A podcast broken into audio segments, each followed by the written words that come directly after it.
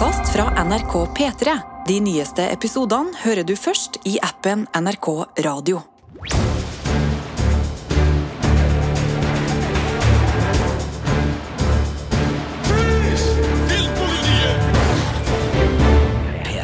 Velkommen til Filmpolitiets podkast med tema altså ferske sommertips fra Disney pluss i studio i dag. Sigurd Vik. Og Marte Hedenstad. Og vi har jo en liten, en liten podkastserie på gang her nå, hvor vi gir deg strømmetips fra året som har gått. Ja, eh, sommeren blir eh, strømmetipsbasert her i Filmpolitiets podkast. Allerede så ligger det ute en eh, podkast om eh, de relativt eh, gode og ferske seriene vi har sett på HBO Max det siste året. Eh, og i denne episoden så er det da strømmetjenesten Disney Pluss som skal til pers. Og det er klart, for dem som ikke har Disney Pluss, så er det her kanskje en relativt meningsløs podkast, kan du si, men det kan jo være at det er serietips her som gjør at du tenker at hm, kanskje jeg skal eh, prøve Disney Pluss, eventuelt hvis du har Disney Pluss, hm, kanskje jeg skal prøve den delen av Disney Pluss, og Disney Pluss selvfølgelig app-basert, eh, grei strømmetjeneste å finne de fleste plasser der du finner den. Nå også en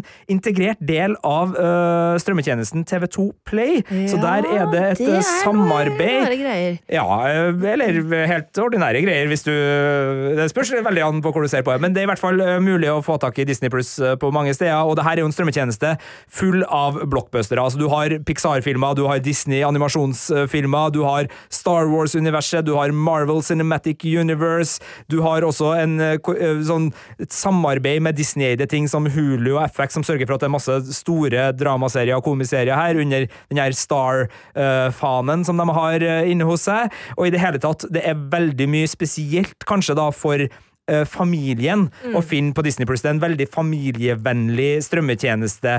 Men uh, vi skal ikke bare liksom henge i den glamorøse overflata. Vi håper å kunne tilby et par strømmetips i løpet av denne podkasten, som også kanskje ikke var noe du allerede hadde på blokka, men det er klart, er du en uh, Disney Pluss-kjenner, så er det ikke Så sikkert tror at jeg vi du allerede har sett en del av det. det, det, det kan det nå være. Men uh, vi har da ikke valgt å liksom ta alt på Disney Pluss. Vi har satt oss sjøl i sommerbegrensninger det siste året. Ja. Så det her er uh, ferske, relativt ferske tips. Noe er så ferskt at det ikke er ferdig med å gå ennå. Uh, andre ting har ligget ute noen måneder, kanskje til og med uh, sånn ti måneder, for de kom i høst. Så det er premisset for podkasten, og med det så starter vi jo med det som da blir, skal vi se, én, to, tre, fire, fem, seks eh, serietips eh, i, som kommer på løpende bånd her. Hvis du er nysgjerrig på dem, så er de å finne i programteksten til hver enkelt Ja. ja. podkast. Og du finner podkastene til Filmpolitiet først i appen NRK Radio. Eh, men hvis du liker spenning, så skal vi ikke avsløre mer enn den første akkurat nå. Og hva er den første, Marte Hedenstad? Det er eh, den ferskeste, kanskje, av eh, disse seriene vi skal eh, tipse om i dag. Den har fire av seks episoder ute akkurat nå, og jeg snakker om Miss Marvel, som jeg har blitt fullstendig obsessed med. Jeg elsker denne serien.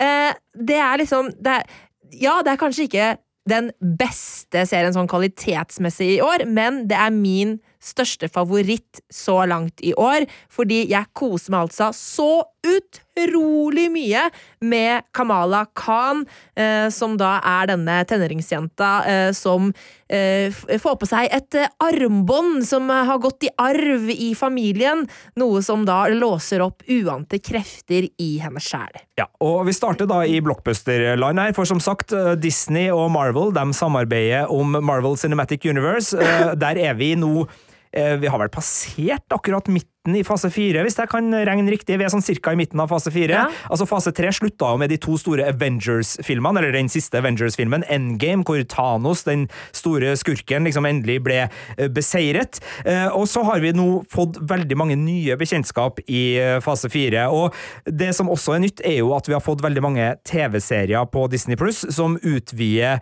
kinolandskapet med mange kjente, altså de første seriene som Disney Pluss slapp om Marvel-heltene var jo eh, med allerede etablerte kinonavn, altså WandaVision, Loki, Falcon and Winter Soldier, Hawkeye, men nå med Moonnight, som var forrige serie ut, eh, som også var underholdende, selv om vi endte vel opp på en firer på terningen der, var litt sånn ujevn i, i frasparkene.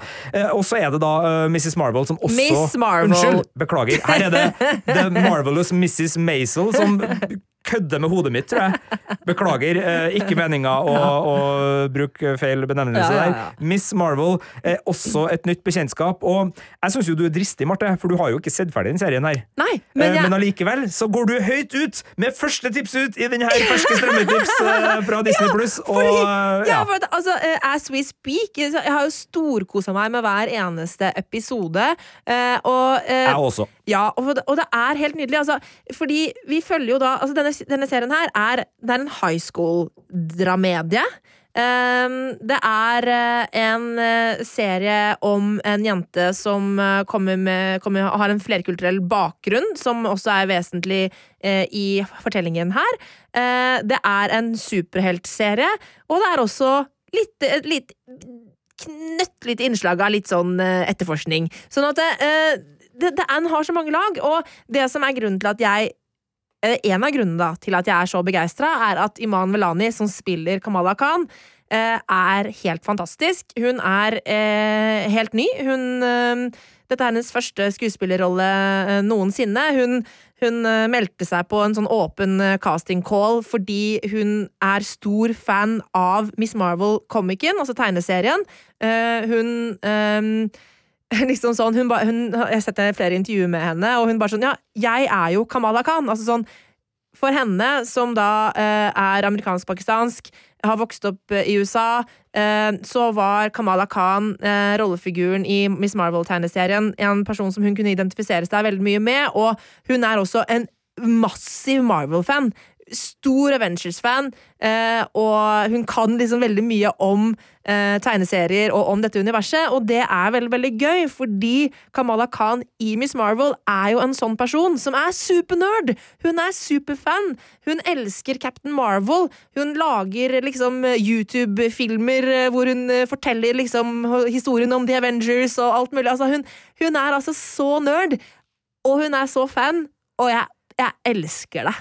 To kjappe spørsmål før vi går videre til neste serietips her. Eh, Du leser jo også tegneserien. Du har blitt uh, Ja, vi er blitt fullstendig obsess. Sånn, mellom hver episode så leser jeg tegneserie og liksom f- ser alt jeg kommer over av intervjuer om, og liksom sånn breakdowns og alt. Altså sånn, uh, ja, min verden revolves around Miss Marvel om dagen. Jeg, jeg elsker det så høyt. Ja, og vi har jo et eh, snev, et eh, relativt stort snev av fankultur i Filmpolitiet på Ja. en del ting, så, så en ting er de to kjappe spørsmålene. Er tegneserien verdt å begynne på for Ja. folk som er gira på det her? Virkelig, tegneserien er skikkelig kul. eh, og eh, det som er veldig interessant her, er at eh, historien er eh, når det handler om hvem Kamala Khan er, eh, hvor på en måte hun kommer fra, og hvor kreftene hennes kommer fra, er helt forskjellig.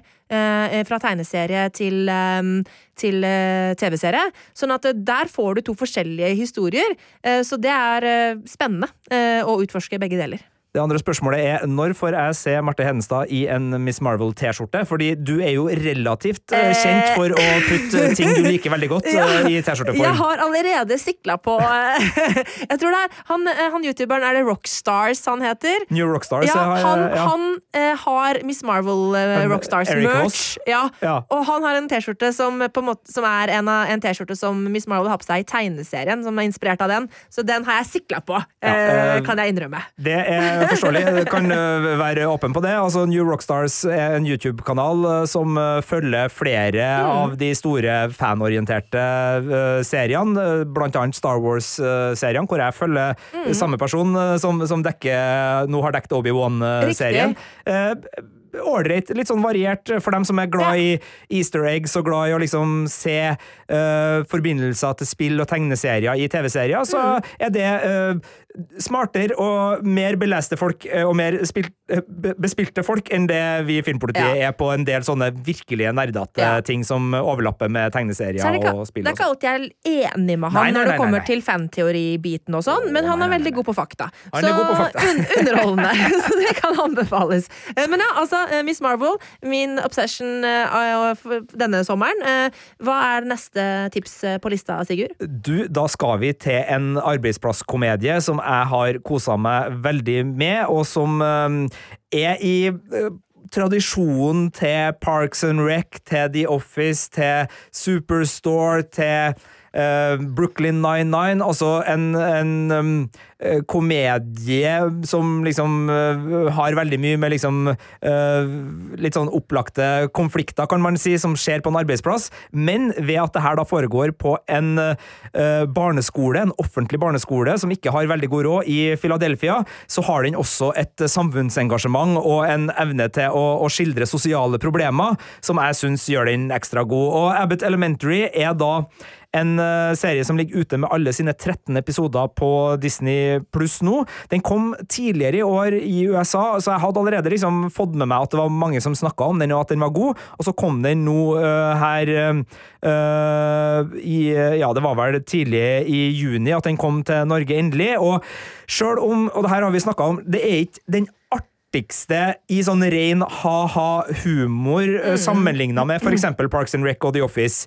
Den, den er ikke like liksom, opptatt av å gå for bare latter, og i tillegg så har ikke rollegalleriet helt liksom, satt seg kanskje på den måten som uh, toppsesongene av de beste arbeidsplasskomediene hadde. Altså Parks and Rec sesong én var jo ikke så god. Nei. Den fant liksom foten, Mm. og så ble den bedre og bedre. Den var god, men ikke så god. Ja. Og, og her har vi vel uh, noen rollefigurer som, som man liksom merker gjennom sesongen at driver og endrer seg litt og finner føttene. Rektoren, blant annet, som er en Ja. eh, vesentlig litt sånn dårlig sjef-trope, uh, er i starten litt eh, sånn, Den er nesten for overdrevet, men etter hvert som den rollefiguren får litt mer sånn eh, kjøtt på beinet og, og blir litt mer et helt menneske, så funker også den teite humoren bedre rundt henne, syns jeg. Og også den gretne vaktmesteren, som bare er liksom grumpy janitor guy i starten, får ting å spille på. Så nå i siste episoden, som er en hyllest til Breakfast Club, så er plutselig han en hel figur som, som funker i den rollen. Så, så det er en serie som kanskje ikke uh, sitter fra aller første stund for alle, men som jeg vil oppmuntre folk til å gi en sjanse. Det er jo korte episoder, det her. Jeg binsja alt, og jeg storkosa meg, men jeg har jo veldig stor sans for denne type komedie. Eh, Du har også sett Har du sett alt, eller har Eh, du Nei, sett litt? det er det som er poenget mitt. For at du ga ternekast terningkast fem til sesong én. Det hadde nok ikke jeg gjort, tror jeg. Vi er, vi, og det handler nok kanskje om For du har jo da sett alle de 13 episodene. Jeg har sett Er det fire eller fem? Ja, et eller annet eh, der. Eh, og jeg har liksom ikke jeg synes, fordi at Én ting er at den har den dybden eh, og om, av tematikken den tar for seg, og det syns jeg er veldig interessant. Men den prøver jo også å være den morsomme arbeidsplasskomedien. Eh, og det at, det liksom, det at den har den eh, dybden, unnskylder ikke at den ikke er like morsom, fordi den prøver å være morsom. Ja. Hvis du skjønner? Og jeg syns den feiler en del på den komikken og det er de rollefigurene noen av de vi snakka om, for eksempel hun rektoren syns jeg ikke fungerer, uh, i hvert fall i de episodene jeg har sett. Sånn at uh, jeg har på en måte jeg har kosa meg med, med deler av det, men jeg har ikke liksom orka å binche det, fordi at jeg den er liksom litt sånn at jeg, jeg sper den litt utover, og så Ja, ok, det var, gøy. Artig. Men jeg har liksom ikke fått helt fot for den ennå. Men som sagt, jeg har sett fire eller fem episoder, så det, kommer seg kanskje litt mer etter hvert. Ja, og, og, og det der er jo sånn, man vekter det ulikt, og, og jeg skrev jo i min anmeldelse, som, som ligger ute på p3.no filmpolitiet, at det her er ikke en underholdningsjagende arbeidsplasskomedie som tilfeldigvis er satt til en barneskole. Det kommer fra en serieskaper som syns at arbeidsplasskomedien passer godt til Mm. å skildre en del av det klassedelte USA gjennom den offentlige skolen. Eh, og der syns jeg jo Quinta Bronson, da, som både er serieskaper og spiller hovedrollen som den eh, læreren vi blir Ja, best kjent med, hun er Mm. helt nydelig. Hun, hun lykkes med å vise fram problemene med snert og galgenhumor, eh, uten at serien oppleves tung og belærende. Så jeg syns jo den har lyktes veldig godt med å bruke arbeidsplasskomedien til å skildre den type eh, samfunnsproblematikk Det og det der klassedelte USA på, eh, på en måte som jeg blir begeistra for. Og, og det kan godt hende at den begeistringa gjør at jeg blir ekstra eh, positivt innstilt til, Mm. til serien. Jeg flira jo også, men altså sånn jeg eh, er jo en sånn person, jeg må bare tilstå det, på privaten. Altså, jeg ser igjen arbeidsplasskomedier Ja, som selskap. ja. Altså, sånn, jeg liker det veldig godt. Ja. Jeg har sett uh, Superstore flere ganger. Jeg så akkurat igjen hele Brooklyn 99. Og Brooklyn 99 er en litt sånn artig parallell der. Jeg syns den er artigere, jeg skal, skal vedkjenne det, i hvert fall i de senere sesongene, men det er jo en serie som Uh, ofte har lyktes, og av og til ikke kanskje helt lyktes, med å liksom ta inn over seg politiets rolle i USA, eh, uten å liksom være eh, redd for å kanskje bli litt politisk, eh, om ikke politisk direkte, så i hvert fall eh, ha en, en sosial samvittighet da, og, og ta de problemene. Altså, hva er det med politiforakten i USA nå? Uh, kan vi liksom bruke vår politiarbeidsplasskomedie til å, å se litt på det? Altså rasisme i både uh, det amerikanske samfunnet og også yrkeslivet. Altså, kan vi se på det? Diskriminering av homofile. Kan, altså, så, så de ha liksom alltid hatt den viljen da, til å se på sosiale problemer og bruke komedie der. Og det er jo, det er jo dristig. Altså, det er øhm, vanskelig å få til god komedie som treffer riktig når du bruker sosiale øh, problemer som utgangspunkt, og, og der syns jeg jo Abbott Elementary lykkes. Altså, øh, den lager ikke billig ha-ha-humor av at øh, en barneskole er fattig. Nei. Den lager humor og bygger situasjonskomikk som både liksom kjennes relevant og er artig, og, og da går man kanskje glipp av noen litt sånn opplagte sånn øh, vitser som kunne ha vært enklere å skrive, og kanskje vært enklere å skrive til det liksom uh, absurde og hysteriske, men de holder seg liksom De holder seg litt nedpå også, tror jeg, fordi at de ønsker at ikke øh, alvoret i serien skal forsvinne helt.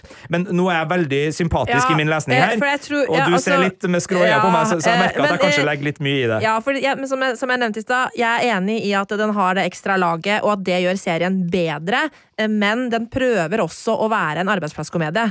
Eh, det gjør den, Ja, ja. og der syns jeg ikke den er like god, da. Men, eh, men som sagt, eh, der hvor også eh, Parks and Rec eh, ikke, ikke svingte 100% fra starten, så tror jeg også Abbott Elementary kan være en sånn serie som blir bedre og bedre jo mer den får satt seg. Så jeg skal ikke gi opp etter de eh, episodene jeg har sett. Jeg skal nok fortsette, men det blir nok som, som en sånn derre en episode her og der til en og annen frossenpizza i ny og ne, tenker jeg. Og så kan vi jo bare ta en sånn liten kjapp test på meg og der nå. Har du sett alle sesongene av Superstore på Netflix, for eksempel? Nei, nei. Det har jeg. Eh, og, og det handler jo om smak og her, for Ja, jeg, ja. jeg trives så godt i denne type serielandskap, eh, og, og derfor så er jeg jo eh, veldig til å anbefale det videre. Men det er klart, Ja. hvis du i utgangspunktet ikke uh, ser sånne serier, så er jo ikke her nødvendigvis din uh, serien du skal fange opp på denne podkasten. Da kan det være andre serier vi nå skal snakke om, som Ja. kanskje er mer aktuelle. Og nå skal vi over til noe som er i en helt annen ende av skalaen. Uh, Dette er ikke komedie overhodet. Dette er en serie som er et krimdrama eh, fra virkeligheten. Eh, Jeg snakker om Dopesick. eh, Som er en ganske sånn hardtslående smack in the face eh, om hvordan legemiddelindustriens eh, kyniske spill har ødelagt eh, tusenvis av liv i USA. Det er da satt på en måte til en nedslitt gruvebry i Virginia i USA, og de figurene vi her følger, altså disse menneskene Menneskene vi følger i denne gruvebyen, er fiktive, eh, skapte eh, karakterer. Eh, men den, denne legemiddelindustrien og da Oxycontin-medisinen eh, som eh, vi følger lanseringen av, er jo da eh, ekte eh, og reell. Eh, og også disse menneskene vi møter eh, på FBI-kontor og eh, DA-office og i Purdue Pharmas eh, kontorer, er også ekte mennesker. Eh, og vi følger da eh, Michael Keaton eh, i rollen som da liksom eh, denne gruvelandsbyens eh, lokale lege. Eh, han eh, blir overbevist av en selger fra Purdue Pharma om dette nye eh, middelet Oxycontin, som er et smertelindringspreparat. At dette her er eh, Det blir lansert med på en måte en merkelapp fra myndighetene i USA om at dette er et preparat som gir mindre som ikke fører til avhengighet. Eller altså, det er mindre fare for avhengighet eh, enn andre lignende eh, smertelindringspreparater. Eh, og det gjør at eh, i denne gruvebyen, hvor det jo selvfølgelig er mange arbeidsskader, det er mange vonde rygger, slitne knær, eh, ødelagte skuldre, eh, at han skriver ut det til sine pasienter. Og det setter i gang eh, en prosess som ødelegger eh, livene til disse menneskene, bokstavelig talt. Um, så dette her er en veldig god, oppbygget dramaserie som er så ekstremt provoserende, eh, fordi Purdue Pharma, som da er selskapet bak her, um, de eh, fikk eh, altså sånn, Dette er jo basert på virkeligheten, så jeg kan si noe om det. De har fått smekk på fingrene for hvordan dette her foregikk, men på en måte menneskene som på veldig kynisk vis har gitt litt faen i menneskers helse for å tjene penger, de lever sine liv videre, for å si det sånn. Og der gjør jo da Eh, Michael Stuhlbarg en eh, fantastisk eh, prestasjon i rollen som Richard Sackler, som da er Sackler-familien er gjengen som står bak Purdue Pharma, og han er jo en av disse store pådriverne for å da få Oxycontin på markedet, som jo er et preparat som fortsatt er på markedet den dag i dag, og som er det preparatet som da førte til den massive oppi, oppi, jeg klarer ikke å si det. Opioid, eller hva det blir. Ehm, pandemien, som jo er eh, i USA. Det er en serie jeg fremdeles ikke har rukket å se. Men men ja. den står på lista. Det er bare at sånn, jeg har ei liste, og, og, og, den er dessverre stor, men, men, jeg vet at jeg skal se den her. Mm. Eh, det er jo også en sånn det, det, er jo et dop som dukker opp i veldig mange andre serier og, og filmer. Jeg har øh, øh, liksom Og det å få liksom litt mer bakgrunnshistorie, selv om den gjenfortellinga di her nå, og, det man vet om det, er jo sånn, men det å se den dramatiseringa er mm. noe jeg øh, ser fram til. Ikke for at jeg tror jeg kommer til å kose meg med den serien her, men det er en serie jeg har lyst til å se, rett og slett fordi at den virker å være samfunnsengasjerende. Det er også den neste serien vi skal snakke om, sjøl om det er en komedie. Fordi eh, ett av eh, ganske få terningkast seks som vi har delt ut til serien det siste året, har gått til Reservation Dogs, som snart kommer med sin sesong to, men som da uh, leverte en sesong én som underholdt og traff meg veldig godt. Det er jo både en outsider-komedie som eh, treffer meg i smaksløka og, og lattermuskler, men det er også en, en, serie som engasjerer med en herlig opprørsk energi. Og Serieskaperne bak er Sterlin Hajo og Taika Waititi. Altså, Taika Waititi har vi snakka mye om i Filmpolitiet. Han er jo både regissør, eh, kjent, ja, han er jo aktuell med en ny Thor eh, Love and Thunder-film nå, i Marvel Cinematic Universe. Han spilte i Our Flags Mean Death, som vi snakka om i HBO mm. Max-podkasten, hvor han som skuespiller spiller Svartskjegg. Og han er her med da som, eh, som serieskaper. Eh, serien er satt til et eh, reservat i Oklahoma, og har da USAs elendige behandling av den nordamerikanske urbefolkninga som tematisk bakteppe. Og det er en serie med, med veldig mye på hjertet. Altså, den har uh, ungdommer i hovedrollen, så det er liksom deres møte med framtidsutsikter, vennskap, hverandre. Det er en slags sånn coming of age-tematikk som ligger i bunnen der, og det er jo en Ja, uh, det heter vel bleak på, på, på engelsk, altså de, de har fremtidsutsikter som ikke De er i hvert fall ikke gode fordi systemet har lagt til rette for at de skal være gode. Mm. De, de har noen oppoverbakker som, som, USA har gitt dem, og det gjør jo at det er en fremmedgjøring i, i tonen her som, som ligger til grunn, og så følger vi dem da på hverdagslige gjøremål, enten de Uh, har litt sånn uh, helsespørsmål, de har noen gale onkler som prøver å selge noe weed de har gjemt i ei krukke under jorda i årevis, og det er så deilig å se Gary Farmer, som jeg elska i filmen Dead Man av Jim Jarmusch, dukke opp her igjen. Det er en del skuespillere man, man er glad i, som dukker opp i, i biroller. Man har politiforskjeller. altså Politiet på reservatet er ikke like anerkjent av politiet utenfor reservatet som ordentlig politi, så der har man noen gnisninger, og det er veldig mye humor i de gnisningene.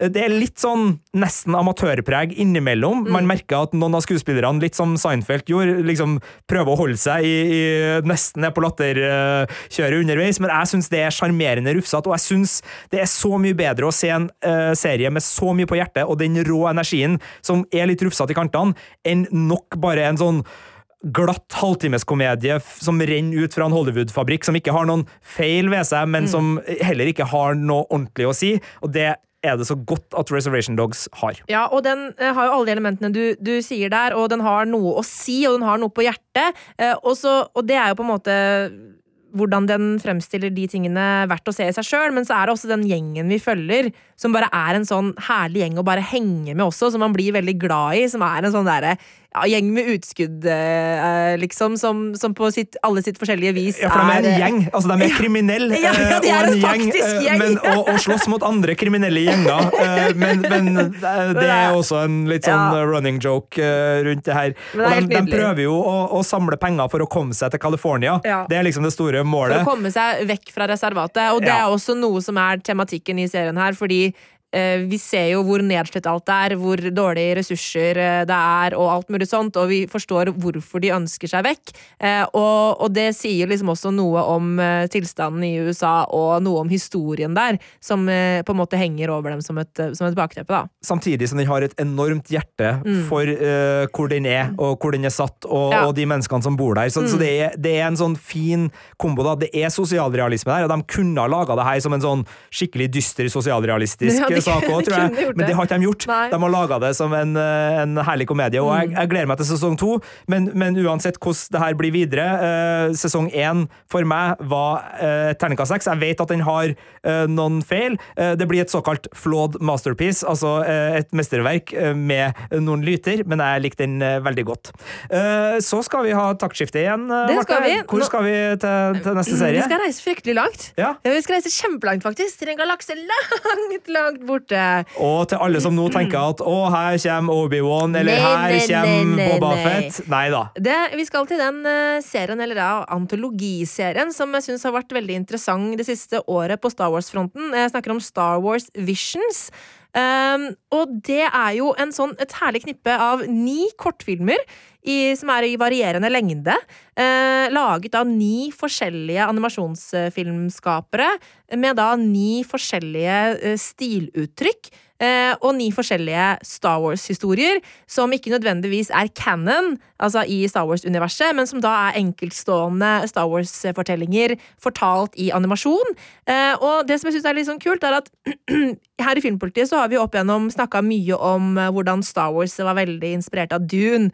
Det har, jo, det har kommet veldig sånn blitt veldig tydelig etter at Dune-filmen til Denis Villeneuve eh, kom ut. Så ser man Det er sånn at det nesten føles som at eh, den hermer etter Star Wars, men realiteten er jo at det er jo sånn at Star Wars herma etter eh, romanen som kom og, for og ikke minst den ikke lyk ikke vellykka førsteforsøket på filmatisering. Ja, så- Altså, filmen som aldri kom. Ja, Jodorowsky prøvde jo å, å filme Dune allerede på, på 70-tallet.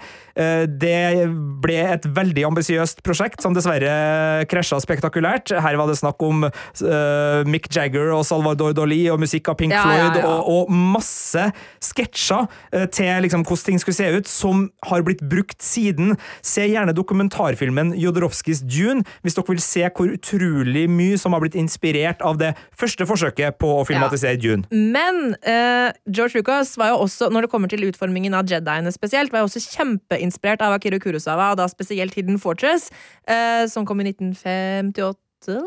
Hvis du sier det. Uh, og der i noen av kortfilmene så er det i det landskapet vi beveger oss inn i. Eh, spesielt eh, hvis du som hører på har hørt eh, Obi-Wan Kenobi-spesialen vår, så vi, var vi så vidt innom i en av episodene om dette med Grey Jedi, og det å på en måte at det ikke nødvendigvis må havne i Sith-delen eller i eh, Jedi-delen, men at det er eh, folk Det, der det er jo bare som sitte som deal deals in absolutes, eh, og uh, derfor så går det an å, å plukke litt eh, Ja. og, Eller å finne ut at uh, skalaen er ikke avgrensa, ja. og det går an å bevege seg. Og en av kortfilmene i Visions eh, beveger seg veldig inn på det, hvor vi møter en, eh, en eh, som en person som tilsynelatende er en Sith fordi han har en rød lyssabel, men han er jo ikke ond.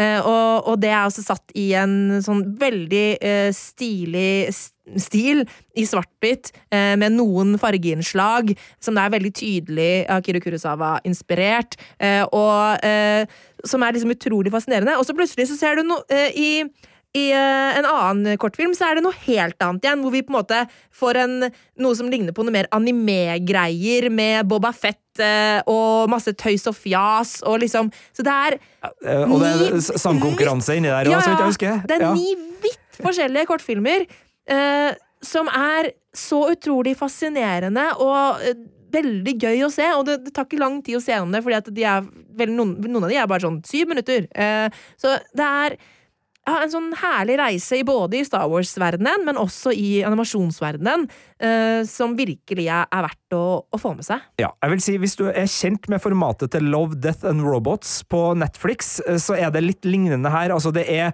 eh, De henger sammen, Mm. men de er frittstående, og det er litt den type altså Det er novellefilmer, Ja. men det fungerer også som en eh, seriesesong. Eh, Så det her er jo bra. Og det er jo ikke noe tvil om at eh, vi har fått veldig mye Star Wars nå etter at Disney økte TV-delen, og det er jo den animerte delen sammen med The Mandalorian da, som kanskje har begeistra oss mest. altså jeg var veldig fornøyd med The Bad Batch, selv om det er en lettere eh, animert serie, og egentlig en oppfølger til The Clone Wars. Og Clone Wars siste sesongen nå var jo helt fantastisk. Så det har kommet veldig mye kult animert eh, Star Wars. Det har det gjort veldig lenge nå, men, men også nå i, i det siste.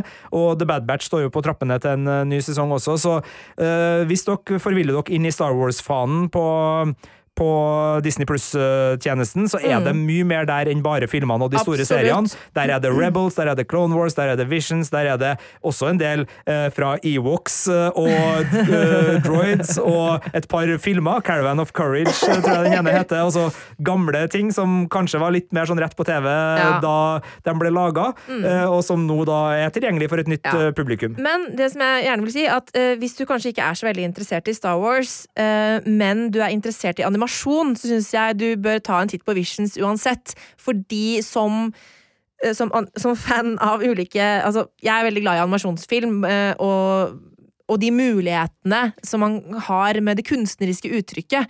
Eh, der er det veldig mye å hente i Visions.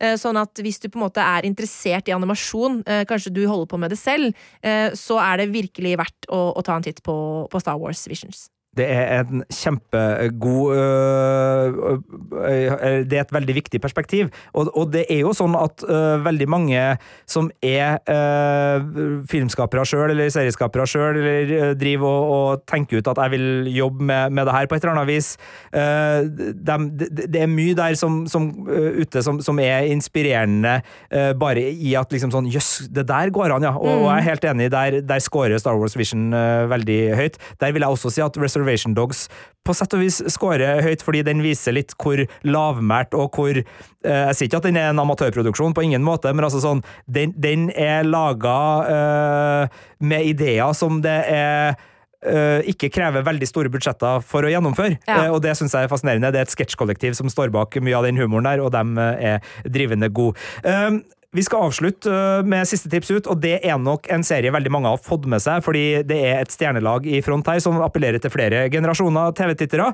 Eh, Selena Gomez, eh, ganske så kjent. Martin Short, ganske så kjent. Steve Martin, ganske så kjent. Og de er da sammen i Only Murders in the Building, som er en fengende, lun, treffsikker, artig true crime-parodi, som spesielt da tar uh, true crime podcast-fansen uh, og rister dem litt. Ikke sånn, ikke ødelegge dem på noe Nei vis, men, men bare liksom påpeke at uh, hei, dere må tenke over litt hva dere holder på med. Og det er en serie som nå er også i gang med sin eh, sesong to, men det er første sesongen da, som kom i høst, som eh, virkelig bare svingte fra første episode, og som brakte både meg og Marte inn på en sånn der eh, koselig Ja. krimtitting, hvor vi både trivdes med plottet, historien altså De oppdager jo da et mord i bygningen de bor i, som er en sånn flott bygård i Manhattan som virkelig liksom gir deg alle de kulissene du trenger for å bare uh, være uh, Hva heter det? Telefil. Altså det at du liksom bare trives i estetikken. Du vil Ja. bare være der. Uh, og så i tillegg da så er det jo masse gode enkeltepisoder, og blant annet én hvor perspektivet er fra en som ikke hører. Ja. Eh, og det syns jeg er en sånn eh, skikkelig vellykka gjennomføring av at man tar et kunstnerisk grep og holder seg i det og får noe virkelig utbytte av det. Så det, det er en dristig serie også, på sett og vis, som, som tør å, å gå uh, ganske langt i ulike retninger, men, men, hovedgreia her er jo bare kjemien mellom de tre. Ja, fordi og det er jo en så utrolig sånn unlikely pairing of people. Altså, Steve Martin og Martin Short, de ja, hører sammen. De, sammen de, de, ja. de, er, de er greie, liksom. De forventer vi å se sammen. Men å kaste Selena Gomez inn i den miksen, det er ganske overraskende. Eh, og det fungerer så godt, og det er bare så artig artig å være med dem på denne eh, litt sånn helsprø jakten etter å finne denne morderen i bygningen, eh, og alle disse merkelige da detourene de havner på på veien. Ja. Eh, og det er bare veldig underholdende og artig i serie. Jeg husker, da, jeg, da jeg begynte å se den, så forventet jeg kanskje ikke så veldig mye av den, egentlig, men så vokste den veldig på meg, og ble en av de, de seriene jeg virkelig har, har kost meg veldig mye med. Ja, og jeg håper jo at sesong to følger opp, og at vi skal få like mye kos ut av den. Eh, jeg syns jo den passa veldig godt da den kom i september ja. Eh, den første sesongen. Det var en veldig sånn fin høstserie. Jeg er litt spent på hvordan den funker i sommervarmen, men jeg vil tro at både sesong én og da forhåpentligvis sesong to vil funke også for dem som trenger ja. et avbrikk. For nå Hvis, tipser vi den jo inn som en serie du kan se i sommer. Og det her er jo litt sånn Agatha Christie møter true crime, møter tull og fjas. Mm. Uh, og jeg elsker jo tull og fjas. Jeg elsker true crime av og til, uh, og jeg er veldig glad i Agatha Christie, så, så for, for, meg og for deg, Marte, så var jo det her en, en godbit. Og du verden, det er jo uh, ikke til å komme unna, i hvert fall oss som bor litt sånn i, i midten av landet, og jeg vil tro det her gjelder for hele Norge det er litt høst om sommeren innimellom òg. Så hvis det kommer noen sånne ja. regnværskvelder hvor du liksom merker at sånn søren, hvor ble det av sommeren? Ja. Eh, skru på litt sommer, eller skru på litt sånn forsterka høststemning, eh, og, og reindyrk det med Only Murders in the Building, som da også ligger på denne strømmetjenesten Disney Pluss, som denne podkasten har handla om i sin helhet, og som du nå også da får eh, via TV2 Play eh, som ja. ekstravalg eh, der, i tillegg til at den er å få som eh, seg sjøl som app, selvfølgelig. Alle seriene vi har tipsa om nå, eh, de har vi ramsa opp i beskrivelsen på denne podkasten, som du finner først i appen NRK Radio. Eh, og vi fortsetter eh, vår serieferd utover sommeren med tips fra de andre strømmekanalene. Ja, det skal bli Apple TV pluss og Netflix, og det skal bli Paramount pluss, det skal bli Prime Video, det skal bli fra de nordiske altså, ja, ja, ja, Det skal ikke være noe manko på ting å se, si! Vi, vi, reklamerer likt for alle strømmetjenestene her i Film Filmpolitiet. Ja, det er veldig bra, Sigurd. The Kåss Furuseths. Sofie Elise, kjør! Jeg skriver den samme setninga tre ganger på morgenen, seks ganger midt på dagen, ni ganger på kvelden. Å, herregud, det høres koko ut. Og så mener jeg at han så meldinga, men ikke svarte meg. Og da ble det sånn Din bitch. Jeg tenker at Noen ganger så må man bare Man kan jo være en lunatic, så da er det bare å være det. Er det en manne-toalettpappa? Ja. Jeg trodde ikke at noen kom til å se det. The Kåss Furuseth. Hver søndag fra 11 på P3 og som podkast i appen NRK Radio. P3.